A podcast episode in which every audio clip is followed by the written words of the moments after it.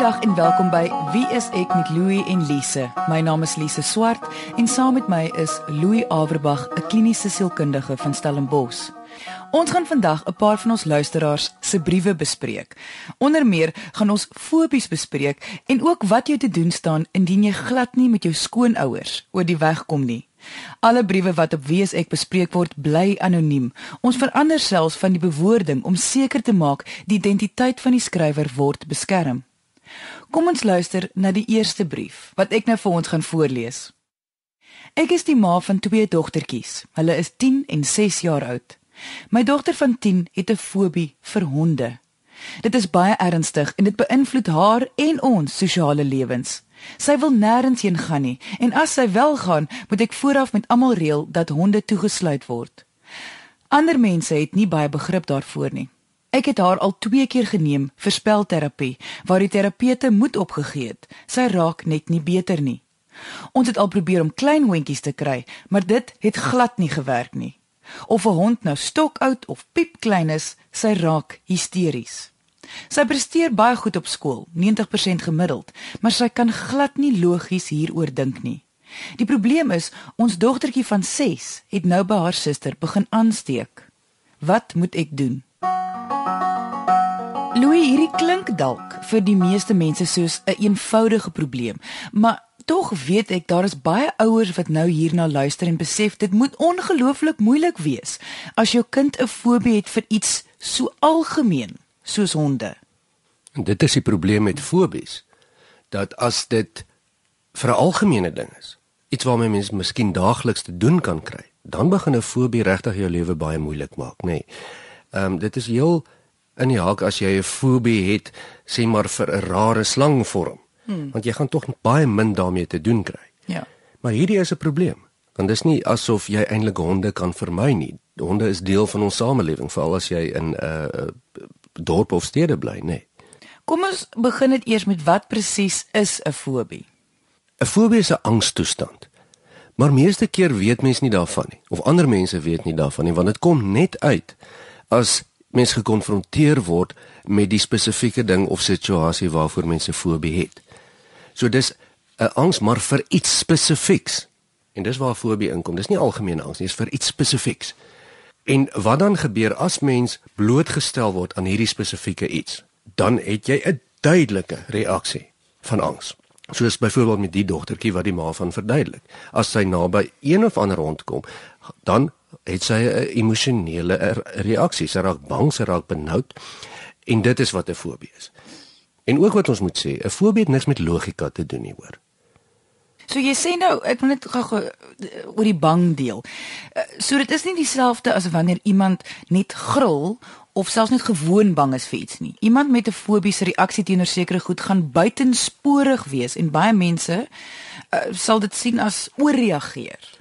Dit is reg en dit is ook die verdere definisie van 'n fobie is dat die ge, gemiddelde persoon behoort te dink dat ag nee man jy is simpel.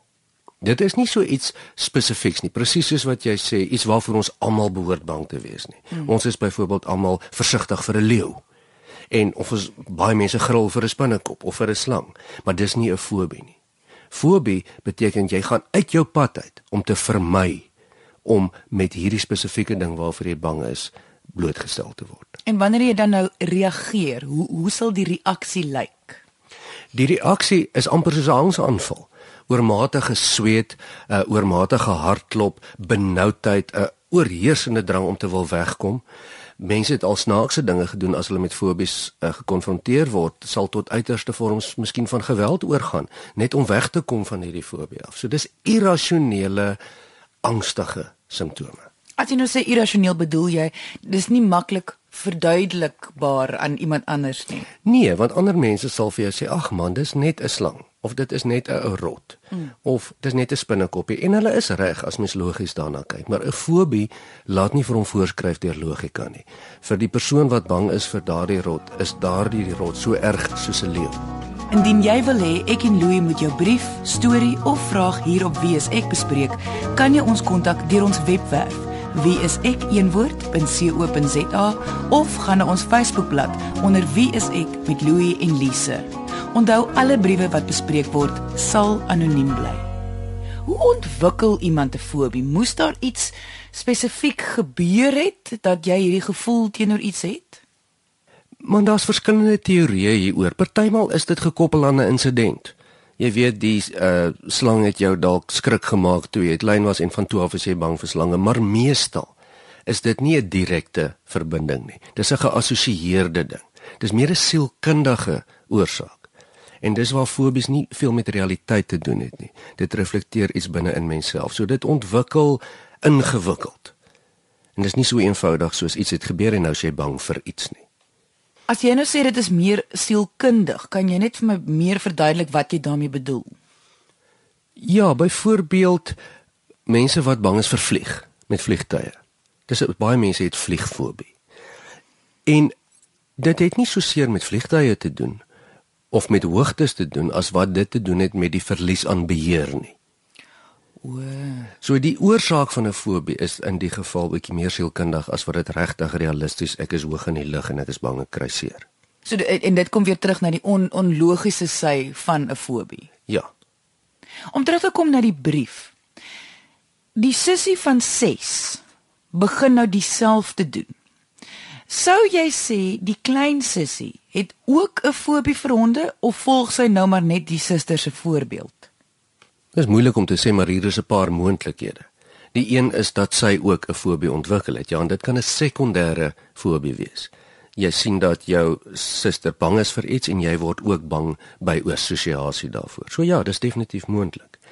Dit is ook natuurlik baie moontlik op haar ouderdom, die jonger suster, dat sy ook nou maar ook bietjie meer aandag van die ouers af wil hê omdat sy sien dat ouers sussie dit kry van wie haar fobie nes. Dit kan wees dat sy nie fobie het nie, maar dit 'n manier van aandag is. So ja, maar ek sou nie net aannames maak hieroor nie.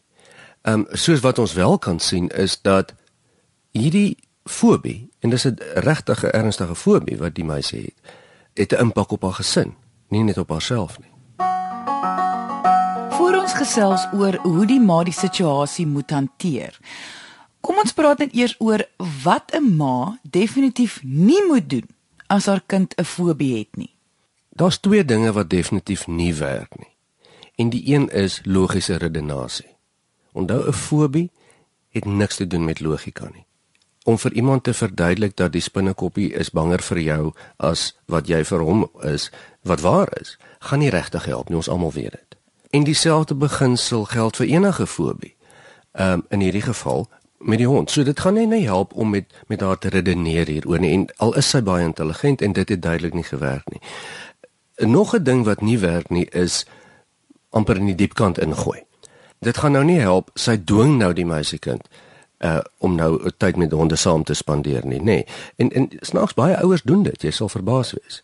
Dit veroorsaak feitelik altyd meer angs as wat dit regtig werk daai uitdrukking van ons gooi jou in die diep kant in en as jy nou agterkom jy gaan nie verdrink nie dan is jy oor jou vrees. Hmm. Dit werk af en toe maar feitelik nooit nie en dit is te veel van 'n risiko. En natuurlik omdat dit nie 'n vrees is nie, omdat dit nou 'n onlogiese situasie is, is dit natuurlik hoekom dit ook nie sal werk nie. Dis reg. Ek sou ook gedink het dat eh, 'n derde punt sou wees om ook nie die kind aan te spreek of uit te skel daaroor nie. Want veral nou soos in hierdie situasie is is dit besig om die mense se sosiale lewens ook te affekteer. So dit moet tog 'n irritasie raak. Jy moet moeg raak. Jy kan nêrens heen gaan met jou kind nie want almal het honde.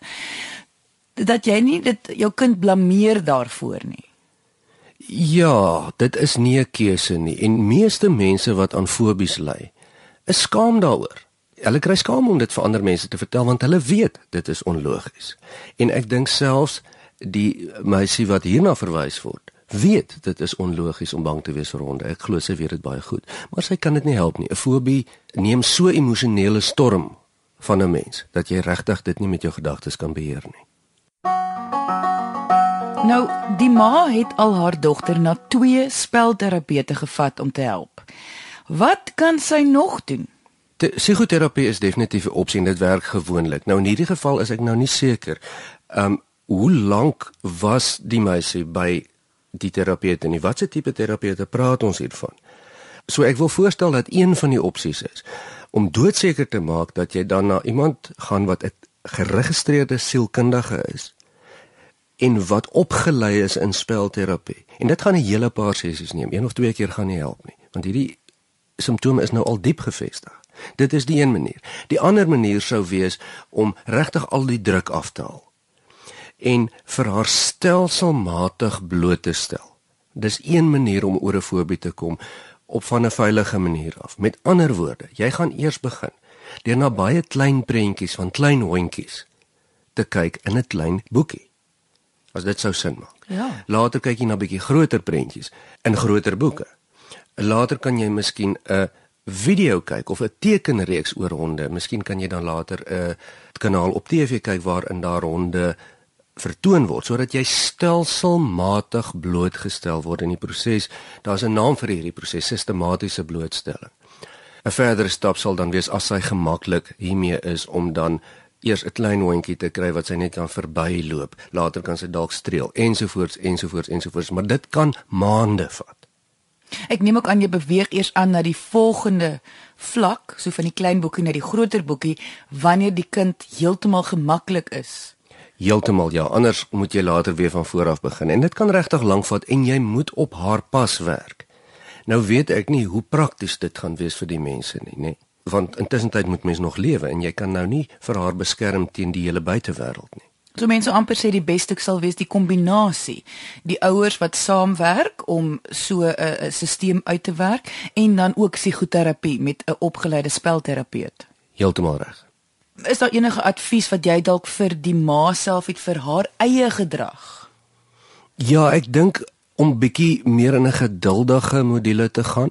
Ek kry die gevoel dat ma dalk hierdie probleem nou wil uitsorteer agter die rug kry en aangaan asof dit 'n klein irritasie is. Ehm um, maar dis duidelik die ding gaan nie weg nie en raak al hoe erger.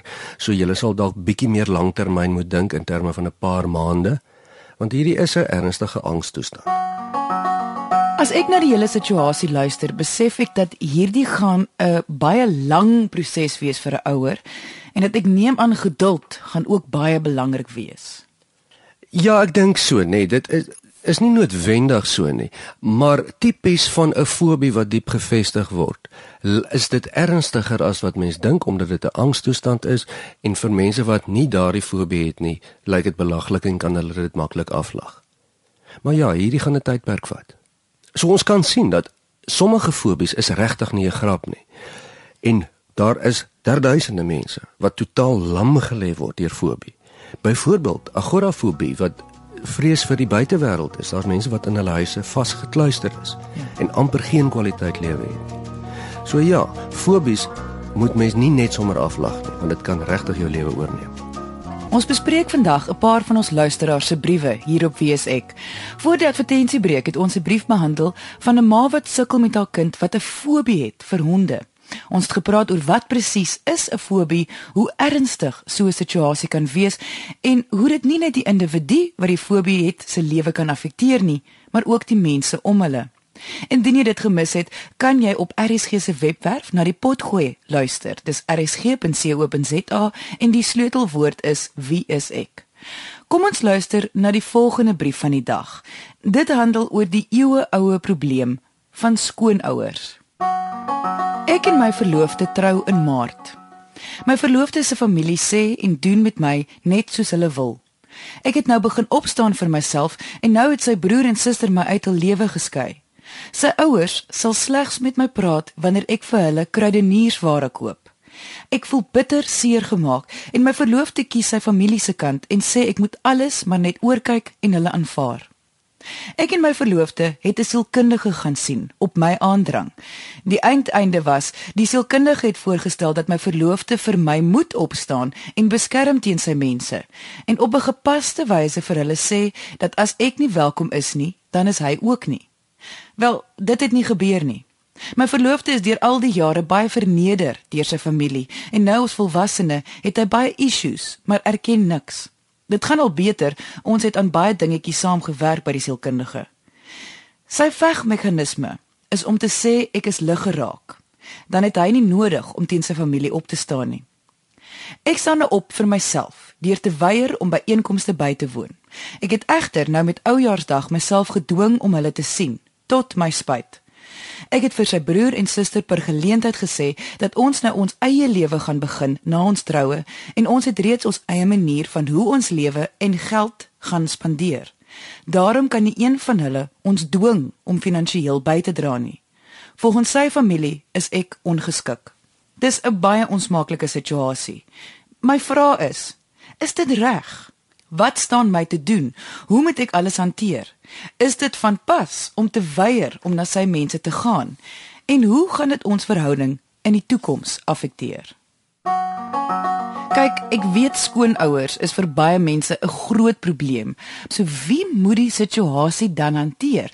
Die probleem is soos die vraag oor wat kom eers, die hoender of die eier?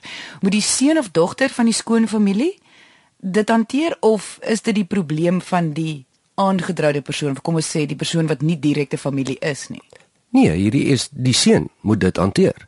Dit is sy verantwoordelikheid want dit is sy ouers met wie sy toekomstige vrou 'n probleem het. Nou daarmee sê ek nie die ouers is verkeerd of reg of die of of sy nie, maar dit kom op hom neer. So sy werk is om te verstaan eerstens wat presies is haar probleem hierso. En tweedens, hoe kan ons hierdie ding oplos? So hy moet die verantwoordelikheid hierson neem. Indien jy wil hê ek en Louie moet jou brief, storie of vraag hier op Wie is ek bespreek, kan jy ons kontak deur ons webwerf wieisek.co.za of gaan na ons Facebookblad onder Wie is ek met Louie en Lise. Onthou alle briewe wat bespreek word sal anoniem bly. As jou man of vrou nie betrokke wil raak by die situasie nie, want hulle wil nie hul ouers ontstel nie, maar ook nie al lewensmaat nie. Wat doen 'n mens? Want daar's tog baie situasies waar die persoon nie betrokke wil raak nie, waar daar duidelik gestel word dat hierdie is nou maar jou probleem, jy moet nou maar dan druk jy hulle maar in 'n blik of anders gaan jy die vrugte pluk daarvan vir die res van jou huwelik. Dit is nie 'n onalgemene ding nie. Dit gebeur baie dat mense kom bymekaar, hulle vorm 'n nuwe egpaar en die man se oor die weg kom met sy ouers byvoorbeeld. Is nie dieselfde as die vrou se oor die weg kom wat vir hom aanvaarbaar is, is nie vir haar aanvaarbaar nie ensovoorts ensovoorts nê. Nee. En dit is deel van die onderhandelings en die verstaanproses wanneer mense wil trou. Hier's vir my net een probleem en dit is nie die skoonouers nie. Dit is dat hierdie twee nie lekker plan gemaak kry met hoe gaan ons dit hanteer nie. Hmm. En as ek haar reg verstaan en sy is reg dat hy dit dan nou net so afmaak want hy wil nie regtig iemand afronteer nie.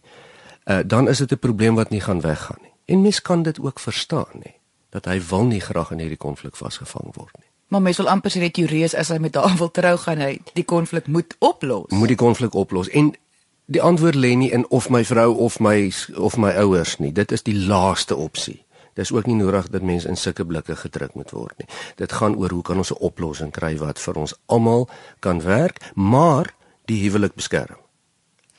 Dis baie interessante ding wat jy nou sê, want kom ons sê hy besluit nou wragtig hy gaan nou niks omtrent dit doen nie. Sy besluit sy gaan nog steeds dan met hom trou. Het sy dan die reg soos wat sy gevra het om die skoonfamilie dan af te skryf? Nee, sy het nie. Kyk, sy het die volste reg om vir hom te sê of van hom te verwag en te sê luister ek kan nie ons kan nie voortgaan met hierdie troue voordat hierdie situasie nie uitgesorteer is nie. En dit sou ek voorgestel het baie sterk dat sy nie voortgaan hiermee nie. Daarmee sê sy nie dit is hulle skuld nie want sy moet ook deel wees van hierdie oplossing nê ja. Maar dit sou baie baie gevaarlik wees om hierdie in hierdie huwelik aan te gaan as hierdie situasie nie uitgesorteer is nie. As sy daarna dan wil dit verwag dan is hy 'n probleem. Maar tog baie keer is mense bang om hulle lewensmaat ek moet nou sê sê nie forceer om iets te doen nie, want hulle is bang in die toekoms gaan die lewensmaat hulle blameer dat hulle verhouding met hulle familie nie meer goed is nie. Ja, en met goeie rede. Jy kan tog nie iemand forceer nie, maar jy kan vir iemand opsies gee. En sy het 'n paar opsies hier. Een opsie is hulle gaan maar so aan, hulle trou en hulle veg voort na die na die troue en dit gaan waarskynlik lewenslank so aangaan. Die een opsie is dat sy hom voor 'n ultimatum stel. En vir hom sê of ons sorteer dit uit of ek trou nie met jou nie. Ek sou dit nogal voorstel in die geval. Daar's baie ander opsies. Dit hang af van persoon tot persoon, maar die punt hierso is dat daar's 'n sekere kontrak wat sy nie bereid is om in te gaan nie. En ek dink nie hierdie huwelik kan gebeur voordat hulle nie saamstem oor die kontrak nie. So jou fokus lê absoluut op die oomblik daarop dat wanneer jy 'n kontrak teken vir 'n huwelik is as skoonfamilie 'n probleem is, as jou man of vrou of jou toekomstige man of vrou dit nie wil hanteer nie, is wys dit al klaar jy het 'n probleem met die kontrak en daai kontrak moet aangespreek word. Verseker, probleme met skoonouers is niks meer of minder intens as probleme of verskille oor hoe gaan ons kinders grootmaak nie geloofsverskille of ooreenkomste oor wat presies hoe werk die reëls van ons verhouding nie. Dis maar alles deel van dieselfde kontrak. En dit verander nie as mens trou word dit nie beter nie. Dit is 'n lekker resep vir konstante konflik en 'n egskeiding in die toekoms as hierdie ding nie uitgesorteer word nie. Ja want so met ander woorde wat jy sê is as hulle nie nou al hierdie probleem kan oplos nie gaan hulle met toekomstige probleme dalk net soveel sukkel of koppe stamp. Daar's hy. So die, ek wil dit herhaal, die kern van hierdie probleem is die feit dat hulle twee nie saamwerk in 'n span nie. Ek dink ook sy moet ook in ag neem hoe sy gaan voel in die toekoms. As hy nie eers nou vir haar wil opstaan nie, selfs al verstaan sy sy redes, maar as hy nie eers nou vir haar wil opstaan, ek bedoel hy gaan tog aanhou om dit te doen en daar gaan nog kinders kom 10 teen 1 en ander situasies. En dan gaan sy rede wat nou vir haar sin maak mos nie meer vir haar dan sin maak nie. Want sy gaan voel sy probleme en sy familie word altyd eerste gesit. Ja dit gaan die persepsie wees wat ek wat ek dink gaan gebeur. En dit sê nie sy's reg nie of verkeerd of iemand is reg of verkeerd hier nie. Maar wat dit sê is dat uit haar persepsie uit gaan sy voel dat sy's nie belangrik genoeg om meer moeite gedoen te word om die ding uit te sorteer nie. En dit gaan die huwelik kelder. Sy neem nou stappe om op te staan vir haarself en haar verhouding met haar toekomstige man. Nou ons het nou al klaar besef dat dit moenie sy wees wat die stappe neem nie of dit moet sy en haar verloofde saam wees. Maar haar eerste stap is om hulle net eenvoudig nie te sien nie. Sou jy sê dit is 'n goeie stap om te neem en watter stappe kan sy nog neem? Kyk, omdat ek nou nie die mense persoonlik ken en die omstandighede so goed nie, kan ek nou nie sê of dit 'n goeie stap is om te neem nie, maar ek dink tog dat sy die reg het om haar te onttrek van mense af nadat sy verskeie kere gevra het om die situasie te beredder. Ek meen wat anders moet sy nou doen? Daar's baie ander stappe ook wat sy kan doen. Ek sou sê dat sy dalk nog meer druk op haar man uh, sit vir hom uitspel wat die implikasie gaan wees as hulle nie hierdie ding hanteer nie. Dalk ook om te help met moontlike oplossings eerder as om uh, uh, uh, om 'n hoek in te druk, nê. Nee. Wat baie duidelik nodig is hierso is dat sy en haar man 'n plan het waarop hulle saamstem oor hoe gaan ons dit hanteer. As ons dan saamstem, ons help die familie finansiëel dan doen ons dit. Dis dis nie 'n probleem nie. Maar dit is my duidelik dat sy en hy nie ooreenkom nie. Sy is nie gelukkig met die situasie nie en hy handhaaf dit maar soos dit is. En seker sekerlik het sy die volste reg om nie daarmee gelukkig te wees nie. So kom ons som net op wat ons vandag hier sê. Ek sou voorstel dat die man en die dame wat aan hom verloof is wat die brief geskryf is, hulle self afsonder en met mekaar tot 'n vergelyk kom. As hulle dit nie kan doen nie, dat hulle dit laat fasiliteer deur iemand anders. Om te sê as ons hier klaar gepraat het, moet ons presies ooreenkom wat is vir ons aanvaarbaar of nie van skoonouers. En al vat dit vir jou 'n week of 'n maand om dit uit te stry en te onderhandel, dan doen jy dit. Want dit is nog steeds baie baie korter as jare se struweling in 'n in 'n huwelik. Soveel sodat al twee moet uit daai onderhandeling kan stap en hulle moet albei kan sê ek kan hiermee saamleef. En dan moet hulle dit saam implementeer. Want anders kan hulle nie trou nie. Of as hulle trou moet hulle weet hulle huwelik gaan onder geweldig druk wees. En deel van daai stappe kan wees om met die skoonouers te praat of met jou ouers self te praat en dit alles uit te sorteer. Ja, wat die plan is kan ek nie sê nie, maar dat daar 'n plan moet wees is baie duidelik.